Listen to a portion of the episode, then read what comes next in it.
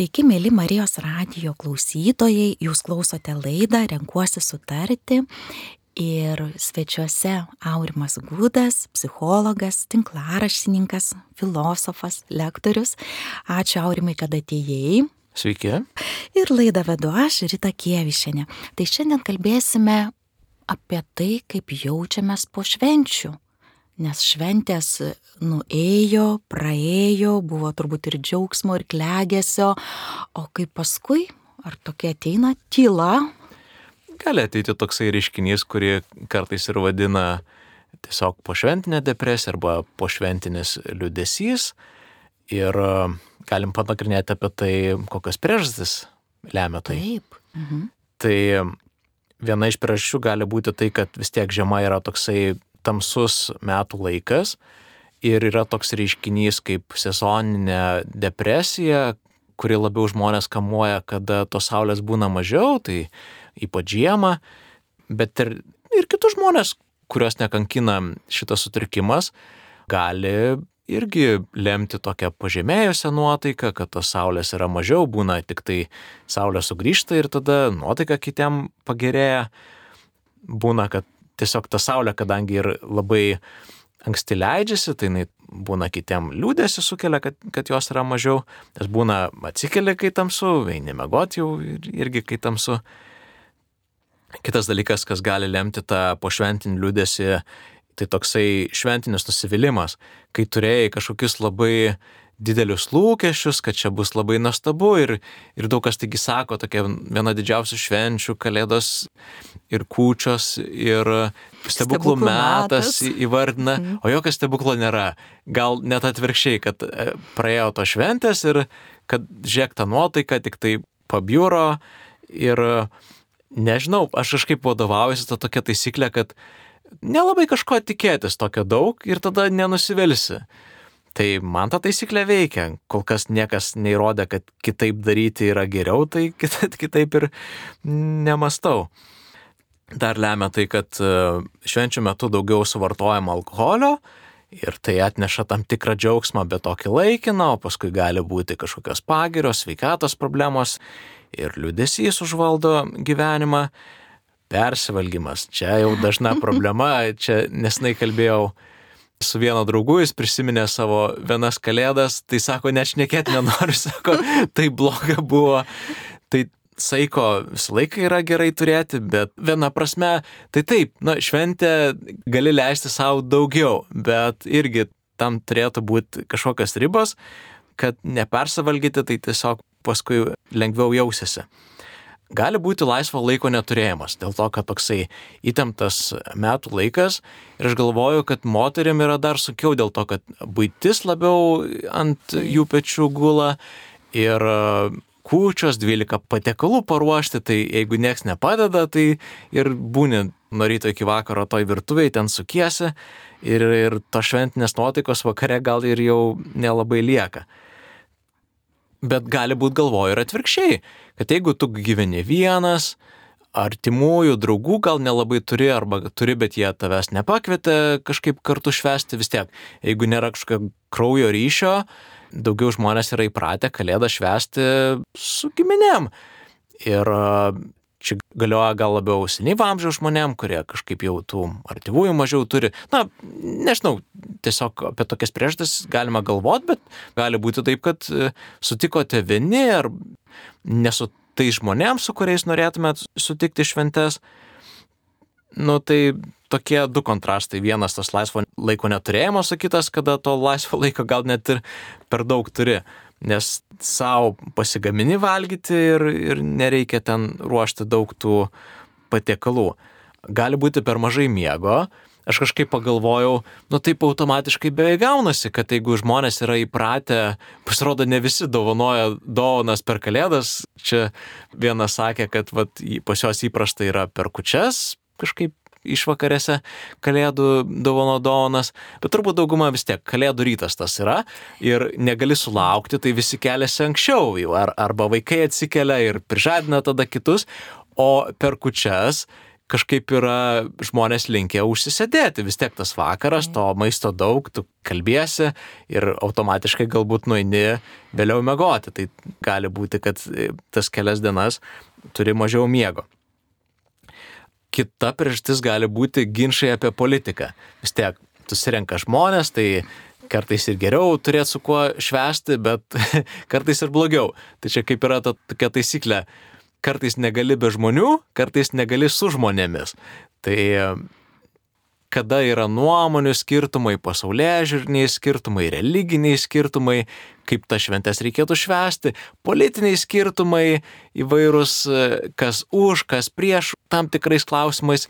Ir tai gali versti į tam tikrus konfliktus, į ginčius ir tai gali subjaurinti tą visą nuotaiką. Taip, dabar turbūt buvo ir COVID už prieš skiepus ar, ar karo. Taip. Tai turbūt apsibriežti prieš sėdant prie stalo, kad tų temų tokių aštrių neliesti gal netgi.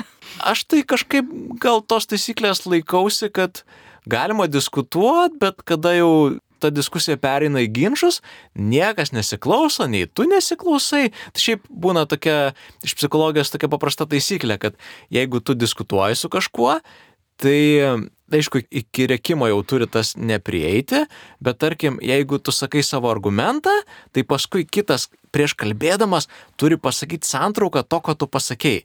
Tai reiškia, kad jisai išgirdo. įsiklausė, išgirdo. Ir tada didina tai tokį supratimą, nes dažnai būna jau tose ginčiuose rėkimas vienas per kitą. Vienas nori pasakyti, bet visiškai nenori išgirsti, ką kitas ir nėra įsiklausimo.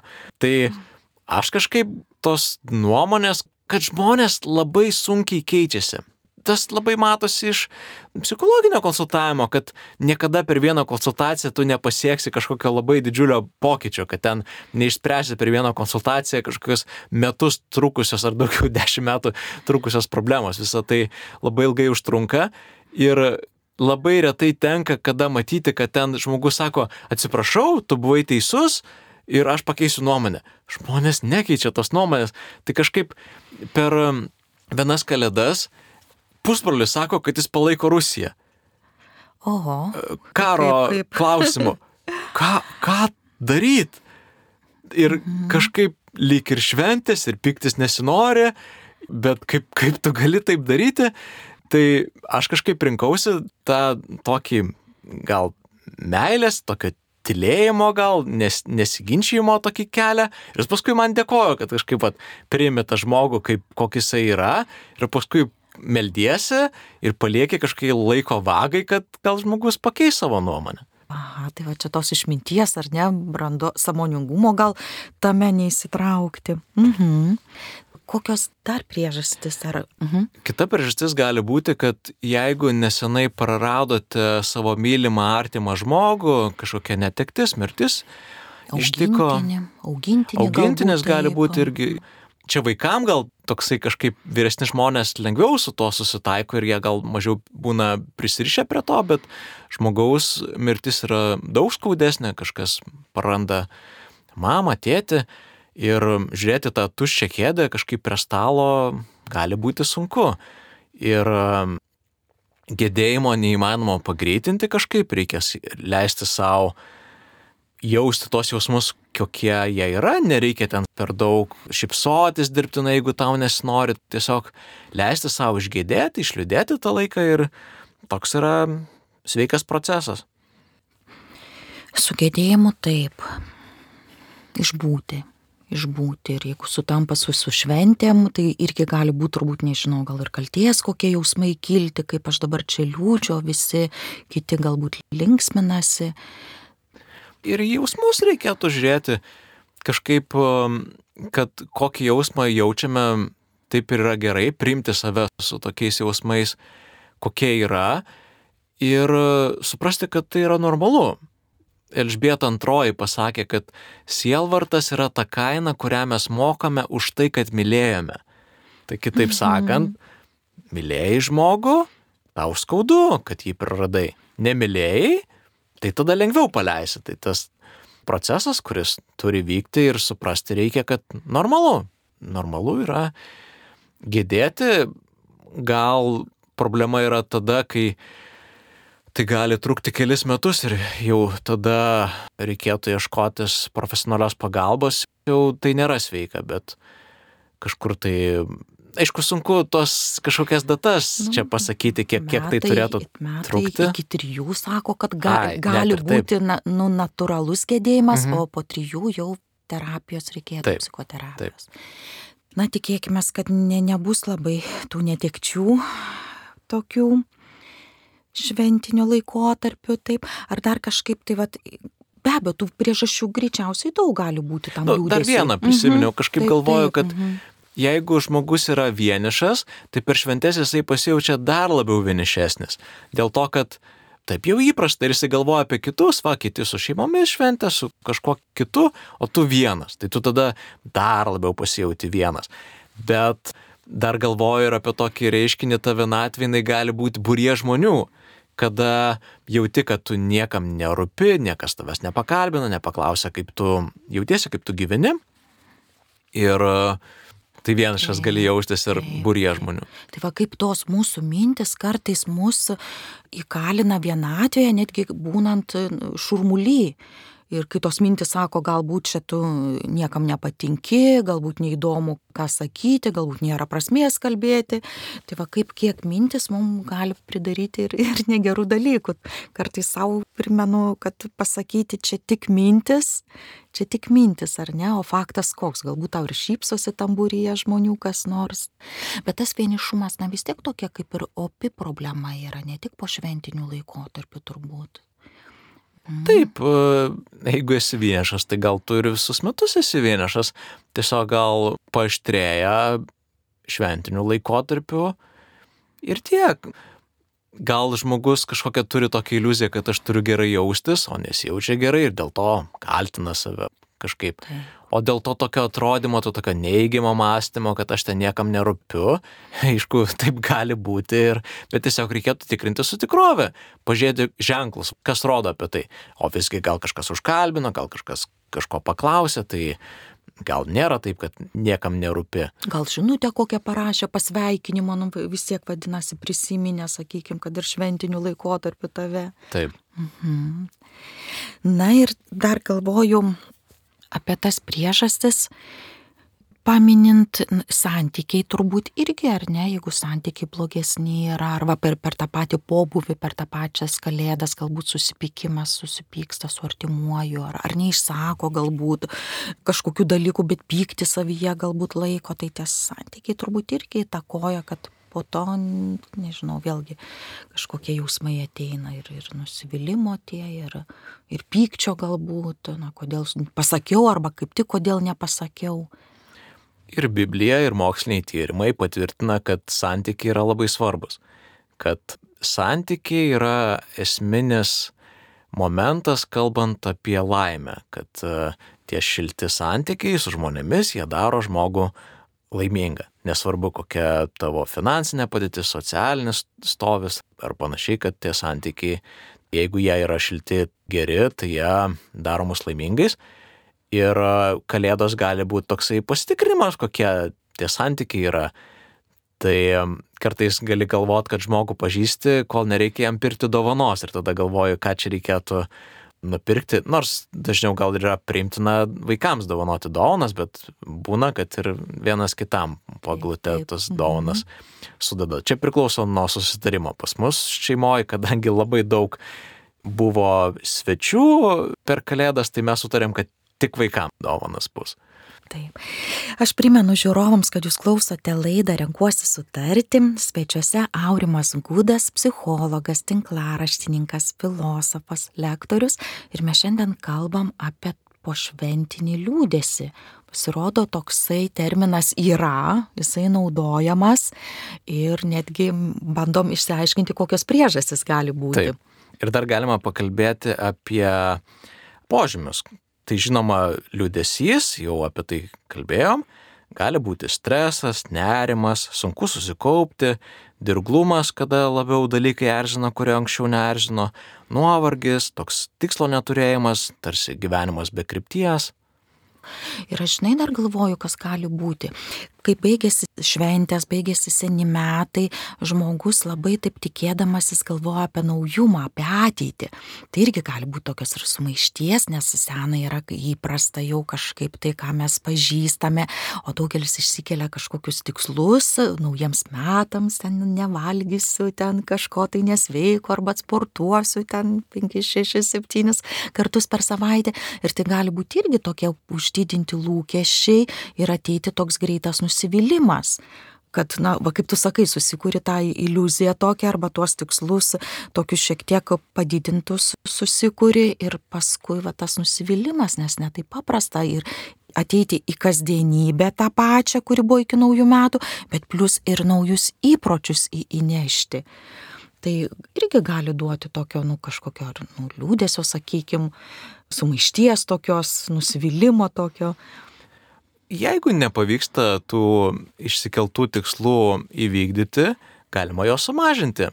Jeigu jie ten buvo tokie nerealistiški išsikelti, kad ten per savaitę numesiu 10 kg ar panašiai, pamatai, kad tai nesigauna, ar ten netgi svoris dar labiau tik tai auga, tai sumažinti tą kartelę, kažkaip nukelti žemiau, bet vienas iš mano patarimų, kaip tą po šventinį liūdėsi nugalėti, tai ir būtų kažkokių tikslų turėjimas. Dėl to, kad prieš šventes tai yra laukimas, kas mums kažkaip tą nuotaiką pagerina. Tada galvoja, gal čia toksai kaip ir tamsus laikas, bet va ateis kalėdas, gal gausiu dovanų, susitiksiu su artimaisiais. Ir yra toksai džiugaus laukimo laikotarpis. Ir aš manau, kad sausi, vasarį reikėtų sugalvoti kažko, ko tu galėtum laukti. Ir tas laukimas jisai išilgina tą džiaugsmą, kaip kad būna dėl atostogų. Irgi tokie patarimai būna, kad neimk jų staiga, kad ten kitą dieną ir jau kažkur skrendi. Tai tas laukimas tų atostogų, tos kelionės, jisai padaugina tą džiaugsmą. Tai vasarį ir sausį galima sugalvoti, ko lauksi. Galbūt tai bus pavasaris, galima kad turėtum ką veikti, tai vykdyti, aišku, tos tikslus išsikeltus, kad nebūtų gyvenimas toksai be krypties, nes jisai turėjo krypti, va čia buvo naujųjų metų ir kalėdų toksai laukimas, o paskui tarsi prarado. Tai atsiminti, ką tu ten buvo išsikėlęs, keisti tą savo gyvenimą ir netgi gal tokį patarimą duočiau, kad tie žmonės, kurie šventiniu laikotarpiu gimė, yra žmonių, kurie gimė tai. per Kalėdas, nes tai fiksuota yra data, mhm. arba sausio pirmą, ar, ar dieną prieš tai, ir jam toks ateina liūdėsys, nes žmonės užmiršta jų gimtadienius, arba jeigu švenčia, tai vis tiek jie daugiau švenčia tos naujus metus, ar tai Kalėdas, ir tada galima jiems švęsti sausio vidury, perkelti tą savo gimtadienį, o kas draudžia, vis Taip. tiek, netaip toli tai yra data kada yra tikrasis tas tavo gimtadienis ir niekas netrukdo tau švęsti vėliau. Tai galima ir kažkokių mažų švenčių susigalvoti. Jeigu atrodo tau tos toksai tuščias laikas sausį vasarį, nusugalvo kažkokią šventę.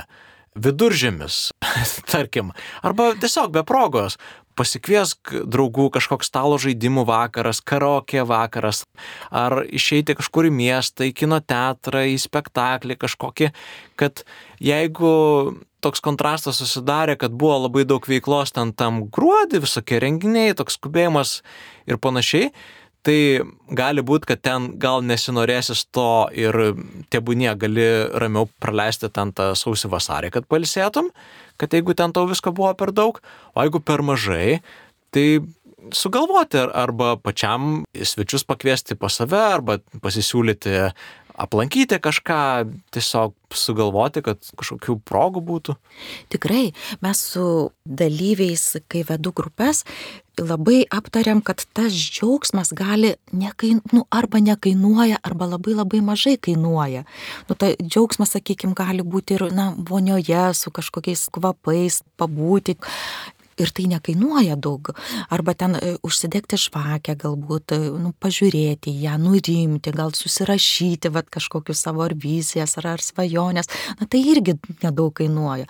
Galima įsikelti tikslą, aš dabar toks atėjo mintis, na, aplankyti bažnyčias, visas Lietuvos bažnyčias.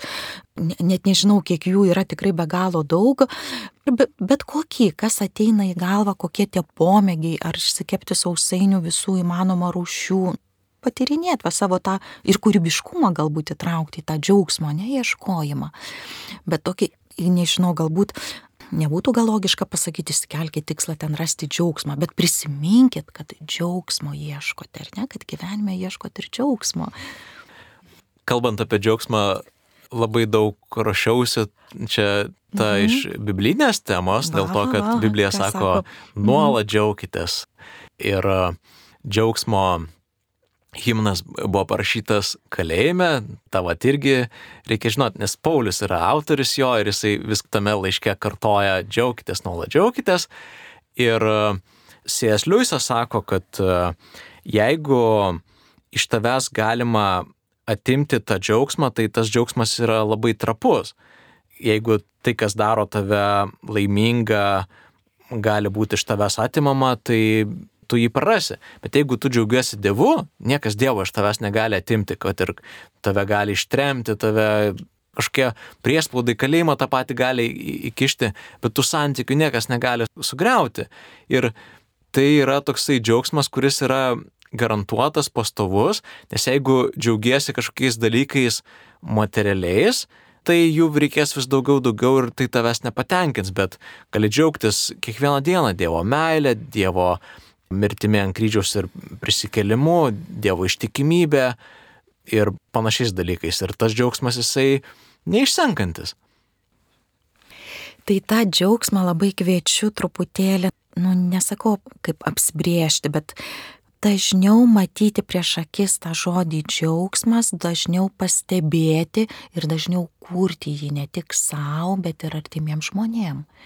Pavyzdžiui, Fedoras Dostojevskis sako, tas, kas moka valdyti pilką kasdienybę, yra didvyris. Tai kažkaip, jeigu to džiaugsmo gal ir nepavyksta pasiekti, ar ten kažkokią šventę susikurti, tai, nu, susitaikyk su tuo, kad gyvenimas ta turi įprastą vagą, reikia mokėti kažkaip gyventi ir be švenčių. Prie to gamtos ritmo gal netgi prisitaikyti, nes žiema, kaip ir minėjai, šiek tiek ir, ir ramesnė, ir, ir šiek tiek tamsesnė, na, prisitaikyti turbūt. Man tokia gamtos. mintis, galima ir prisitaikyti, susitaikyti, kad turėsi mažiau jėgų ir kažkaip galvojant, kaip e, ilgus metus gyvenom tokioj žemdirbiniai daugiau visuomeniai, tai reikia prisiminti, kad žiemą žmonės ilsėdavosi dėl to, kad visa gamta apmirusi ir tu, nu ką, nesodinsi, nearsi, neužsimsi visokiais sodininkystės darbais ir panašiai, tai ilsiesi o kitiem galbūt kaip ir darbymetis toksai būna, tai tada reikia tą žinoti, tai tada turėsi palsėti labiau vasarą. Ir um, reikia gyventi tuo metų laiku, bet atėjo tokia mintis, kad galima nuo to pabėgti. Kad, na, nu, čia gal toksai brangus mhm. patarimas, bet tarkime, jeigu yra galimybė, išvažiuoti, išskristi kažkur į šiltus kraštus, į Graikiją, Portugaliją, Ispaniją, ar keliom savaitėm, ar jeigu gal, galimybė yra mėnesiui, kokiam tada greičiau pavasaris ateis. Taip. Galima dar prailginti tą laiką tokį rankdarbiais galbūt, kūrimu kažkokiu tai. Taip, svarbu rasti kažkokį tokį užsiemimą, dėl to, kad jeigu gruodis buvo perpildytas viskuo, Ir jeigu tokia tuštuma atsiveria per sausį vasarį, tai rasti kuo ją užpildyti. Pamėginti ir rašyti, ir kurti, ir piešti, galbūt ištraukti pieštukus ir, ir popieriaus storą piešimo lapą. Ir galbūt ir, ir siūlus, jeigu leidžia rankos ir sanariai vyresniems žmonėms ir numėgsti Velykų dovanas jau gal taip. Mhm. Tokie užsiemimai jie labai gydo ir kalbėjot apie meno terapiją, kada žmogus piešia, tai jinai tokia gydanti bus, kai nepieši pagal tam tikras taisyklės, bet kažkaip leisi savo kūrybiškumui išsilieti. Dar kažkaip galima kalbėti apie tai, kad jau čia kalbėjau apie gėdėjimą, kada turi leisti savo jausis taip, kaip jautiesi, priimti save su tokiais jausmais, kokie jie yra. Tai taip pat galbūt susikaupia tau tie jausmai, kažkokie tokie nelabai malonus. Kaip namuose susikaupia šiukšlės ir mes jas išnešam, tai gali būti, kad ten kažkas tave supykdė per kalėdas, kučias ar naujus metus. Gal norėjai anksti mėgoti, o ten ferverkai ir, ir tų sprogdinimų visokių padaugėja, tokio triukšmo ir, ir tai gali kažkaip išvesti iš ramybės. Tai tada galima išsikalbėti su kažkuo.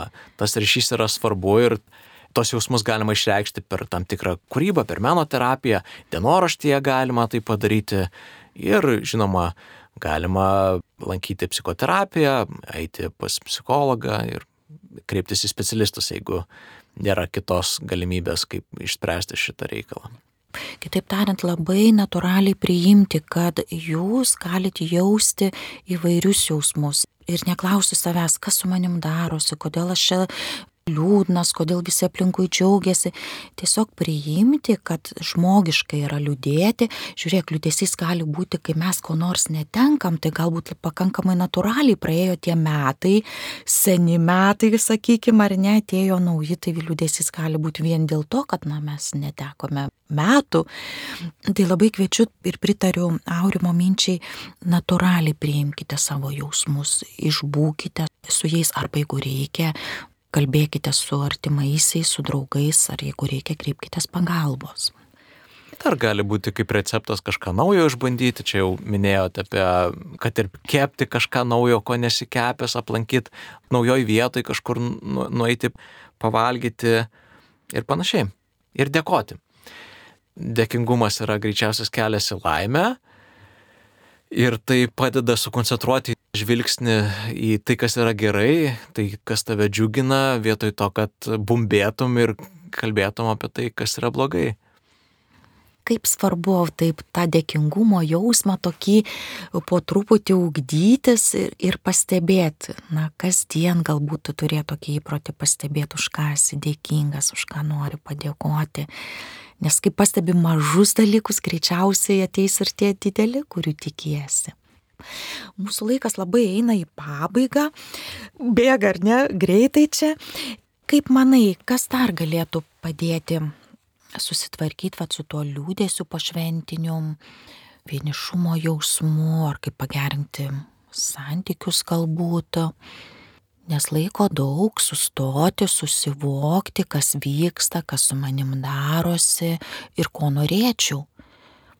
Gal aš dar kvieščiau netgi aptariant praėjusius metus, užduoti savo kelis klausimus, tarsi apžvelgti, kas įvyko, na, užduoti galbūt savo klausimą, už ką dėkingas praėjusiam metam, kas man labai patiko, ką mėgau, ką, nežinau, mylėjau, tiesiog vat, įsivertinti, kas buvo gero ir galbūt, na, pastebėti ir kokios patirtis, ką jos išmokė mane tų praėjusių metų, nes tada galbūt praėjo metai, apžvelgiau juos, be, be kritiškumo turbūt kiek įmanoma, na ir kokių noriu ateityje metų. Galbūt čia irgi pamėginti tą visiją tokią papiešti, pasigalvoti. Mhm. Nes va taip sakoma, kad kai nori pokyčių ir kodėl neteina pokyčiai, ne, neužtenka jėgų iš tos kasdienybės išeiti ir kai nori pokyčių labai ir svarbu žinot, va kokią tu viziją turi, ko nori, pirmą žingsnį, kokį turi žengti, nes galbūt jau ir žinai, ko tu norėtum, bet nežinai pirmo žingsnio. Tarp pokyčiams yra svarbu jau, kai labai ta padėtis, kuri yra jau, kai netenkina, tai jau žmogus jau tikrai žengs tą žingsnį.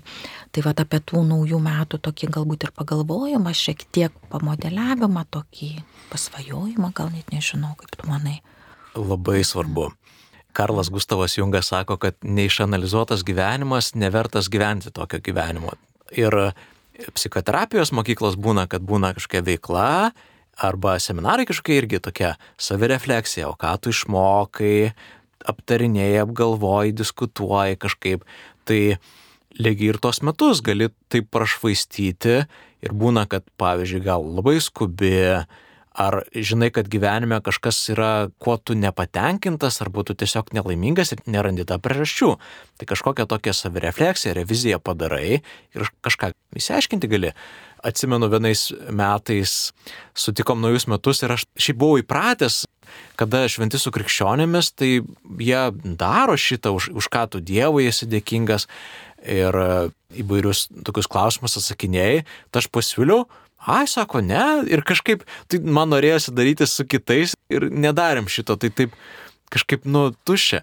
Aš manyčiau, kad labai geras yra pratimas perskaityti dienoraštį per tuos metus, pažiūrėti kažkokias tendencijas. Galbūt pažiūrėti, kad metai iš metų tau žiemą yra sunkiau. Ir pagalvoti, kodėl va taip yra. Kažkokius jausmus, kažkokias mintis, kur atsikartoja, kaip tu kitaip galėtum mąstyti, kaip mašiną tu veži į remontą, patikrina, kas yra blogai. Tai va ir jeigu neanalizuoji, nepripažįsti, kad kažkas tavo gyvenime yra blogai, tai tu nesikeisi. Kaip ir nepripažįsti, kad sergi, tai tu nesigydysi. Tai tokia revizija metų ir netgi galima būtų pagalvoti, ko kitais metais norėtum. Tas, kaip apžiūri mašiną ir pasako, kas yra blogai, tai taip gali peržiūrėti tos metus nu, kaip yra, kaip tu gyveni ir ko iš kitų metų norėtum. Gali pasimels, paprašyti Dievo ir ne vieną kartą, visus metus gali prašyti ir kitų pagalbos, kad tave užtartų, kad pasimelstų. Ir galbūt paskatinčiau parašyti ir dienoraštį, ypač jeigu savęs nepažįsti, jeigu sunku įvardinti, kokius jausmus jauti, tai pamėginti kasdien rašyti dienoraštį, galbūt ne, ne iš šiaip kokį ten aprašymą, kas įvyko, bet labiau apie tai, kaip tu jautiesi ir galbūt tame puslapyje net ir pasibraukti kažkokią tą svarbę mintį. Tai metų gale apžvelgdamas tu gal ir rasi tas tendencijas, kaip, kaip ir minėjai. Taip. Mhm noriu prie švento rašto grįžti. Taip, aha, grįžkim. Jokūbo laiškas, pirmas skyrius nuo antros iki ketvirtos eilutės. Mano broliai, laikykite didžiausių džiaugsmų, kai patenkate į visokius išbandymus. Žinokite, kad jūsų tikėjimo išbandymas ugdo ištvermę, o ištvermė subręsta iki galo, kad būtumėte tobuli, subrendę ir nieko nestokotumėte ilgą laiką tų eilučių aš nekesdavau. Kaip, kas čia dabar, per koks čia džiaugsmas, kai patenkate į tos išbandymus. Tai atrodo, nu Jokūbai, negi nežinai, kad yra kitų malonumų gyvenime. Skanus maistas, nueiti kažkokį restoraną, ar kai tave pasveikina ir panašiai. Bet čia tokį džiaugsmą jisai sako iš kažkokio tokio blogo dalyko, kuris gali perikti į gerą. Viskas išeina į gerą mylintams Dievą gal toksai būtų kaip žiūrėjimas į gyvenimo sunkumus, kaip į svorius sporto salėje, kada tu nori tapti stipresnis ir vis labiau jos kilnoji, tai tas pažiūrėjimas galėtum burbėti ten dėl kažkokio finansinio nepriteklius, kažkas išdavė kažkokie ten mobbingas darbe ir, ir panašus tokie dalykai, bet dėl visų tų nesėkmių, dėl visų to, ko tu kažkaip gyvenime nekenti, tai yra kaip kažkokia traša, kas tave gali auginti ir, ir tave daryti tobulą subrendusi, kad nieko nestokotum.